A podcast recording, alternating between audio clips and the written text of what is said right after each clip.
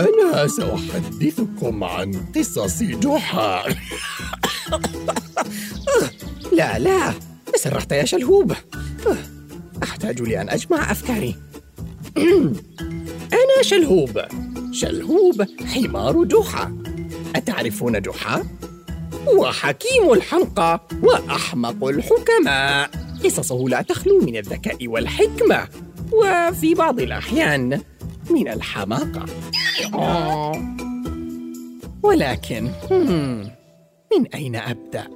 أوه تذكرت. علي إكمال قصة لقاء الأول مع جحا. وماذا حصل بعد أن خطفني لص وقام شريكه بخداع جحا؟ قام اللص يزن بسرد كذبة عجيبة لجحا عن تحوله إلى حمار بعد أن دعت أمه عليه ويا ليتها دعت. وكنت متأكدا أن جحا لن يصدقه. ولكن عندما أنهى يزن قصته الشنيعة بالتفسير أنه عاد إلى إنسان بعد أن اشتراه رجل طيب مثل جحا أجابه الأحمق يا لها من قصة عجيبة. اذهب يا ابني فأنت حر طليق. اطلب من أمك وأخيك العفو عنه والأهم من ذلك أن لا تعود إلى أساليبك السيئة السابقة. آه فكملت الحيلة. وشكر يزن جحا وقبل يديه وأخذ يركض. ثم عاد مسرعا لأخيه فرحا بنجاحه في خدعته. شكرا شكرا يا سيدي. شكرا شكرا. ولكن كان يجب علي أن لا أشك بجحا. فالحقيقة أنه لن تنطلي هذه الحيلة عليه أبدا. فبعد أن ترك يزن ليذهب لحقه ليراقب ماذا يفعل. في ذلك الوقت كان أخوه الذي اسمه غازي قد باعني لسيدة تملك متجرا لبيع الورد في السوق. حاولت أن أشرح لها أنهما للصان مخادعان لكنها لم تفهم لغة الحمير. فظللت أنهق بصوت عال وهي تحاول أن تسكتني.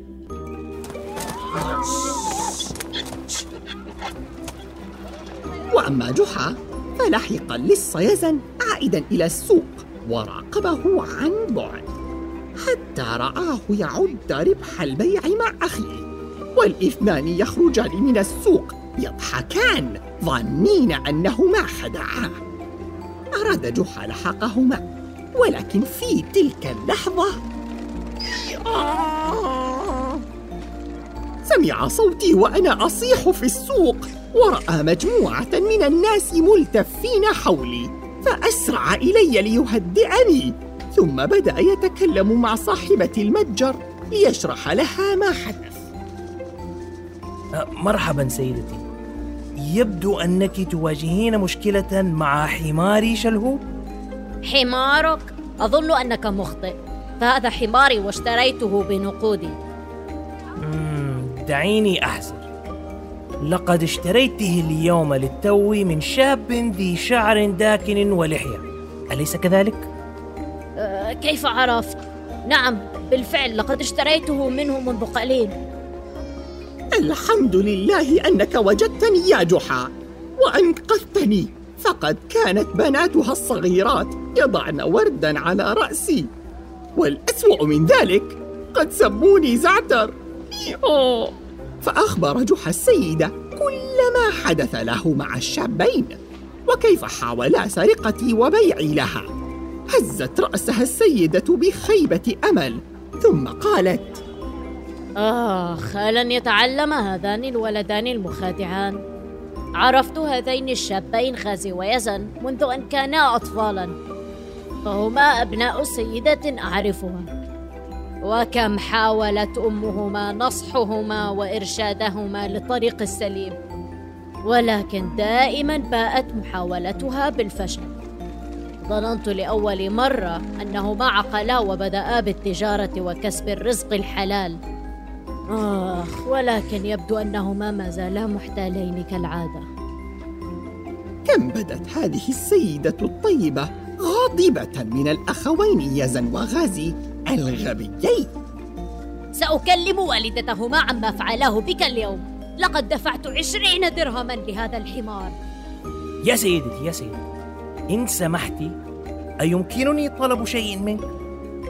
إن أعدت لي شلهوب الآن وتركت الأمر لي سألقن الشابين درسا يعدل من أسلوب حياتهما المخادع هذا. وبعدها سأعيد لك نقودك بأكملها. وإن لم يكن فيمكنك استرجاع مم. حسنا يا سيدي. خذ حمارك وسأنتظرك. عشرون درهما فقط؟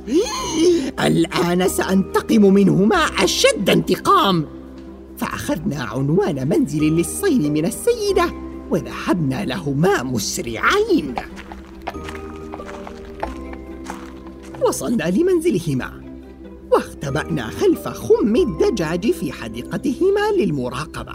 فكان يزن الذي انتحل شخصيتي مستلقيا ونائما على أرجوحة في الحديقة واضعا قبعته على وجهه حماية من الشمس.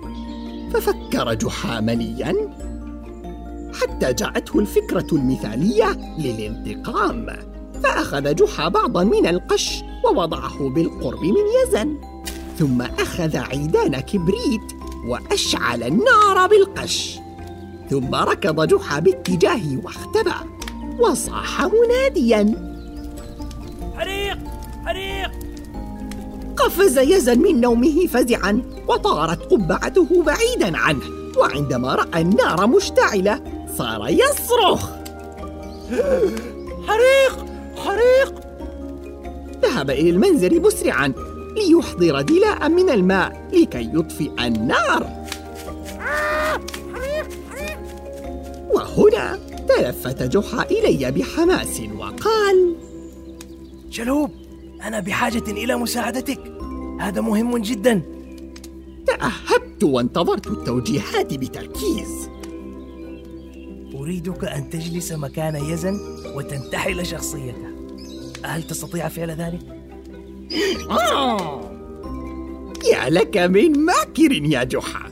يبدو أنني فعلا سأستمتع في مغامرتي معك ذهبت مسرعا إلى الأرجوحة ووضع جحا قبعة يزن التي طارت من رأسه على وجهي. ووقف جحا بجانبي وهو يتحدث بلغة غير مفهومة وكأنه يلقي سحرا ليتحول يزن إلى حمار. في ذلك الوقت صياح يزن جعل غازي الذي كان في حقل قريب من البيت يرجع راكضا ليعرف ما حصل. وعندها رأى النار تشتعل وبدأ يدوس عليها ليطفئها. وهنا الصدمة التي باتت على وجهه تقدر بأطنان من الذهب وليس بعشرين درهما أيها الأوغاد فإنه نظر الي وإلى قبعة يزن بدهشة وسأل جحا ما هذا؟ أين أخي يزن؟ ها هو ألم تعرف أخاك؟ حدق بي غازي مرة أخرى ثم قال هذا ليس أخي هذا حمار لا إنه أخوك يزن. فبعدما اكتشفت ما فعلتموه بي سألت عنكم الناس بالسوق حتى دلوني لمنزلكم. وما لم تعرفوه عني هو أنني مشعوذ. وتعلمت أسرار السحر من خلال رحلاتي إلى بلاد الشر فحتى أجعل قصة أخيك التي كذبها علي حقيقة ألقيت عليه سحرا ليتحول إلى حمار. تفضل. اسأله بنفسك وتلحلح غازي ولم يدري ماذا يفعل فاقترب مني وسألني بتردد هل أنت يزن؟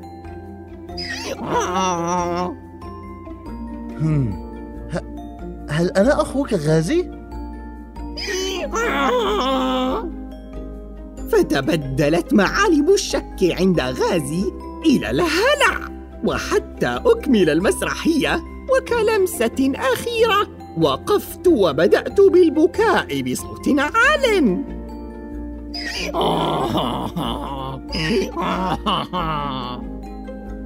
رأيت جحا يحاول مقاومة الرغبة في الضحك فعلمت أن حركتي أعجبته وأثرت على غازي أيضا.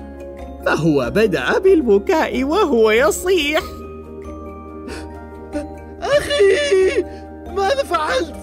أرجع أخي إنسانا. لا لن أفعل ذلك. رجاء أعدك أن لا نسرق مرة أخرى. أليس كذلك يا يزن؟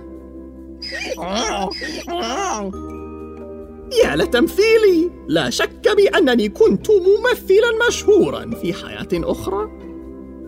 حسنا ولكن لدي شرط آخر.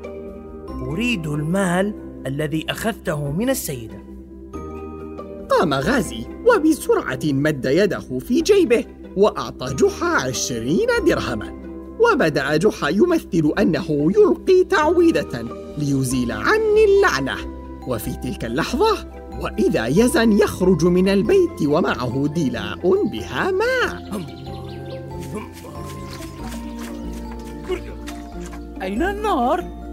نظر يزن من حوله ولم يعرف ما الذي حصل.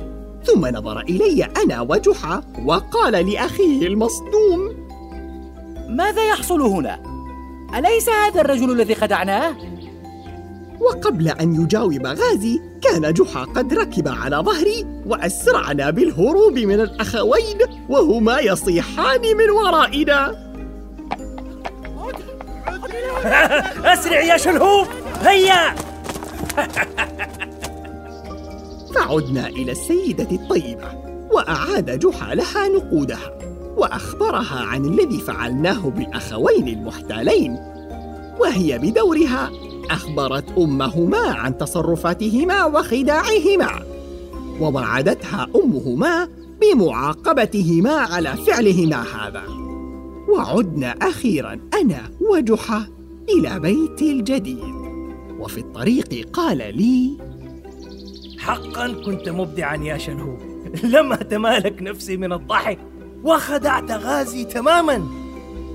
وكمكافأة على بطولتي. سألني جحا. أنت تستحق مكافأة. ماذا تريد؟ فأشرت فورا إلى المتجر الذي يبيع فطيرة تفاح شهية واشتراها لي وأكلتها كلها وحدي. وكم كانت لذيذة. وكانت هذه قصة بداية صداقتي الجميلة مع جحا. ومن ذاك اليوم وحياتي مليئة بالمغامرات والدروس القيمة وبعض الحماقة والمتاعب والخطر. وكان هناك تلك المرة التي خطر فيها جحا بحياتي. ربما كان يجب علي البقاء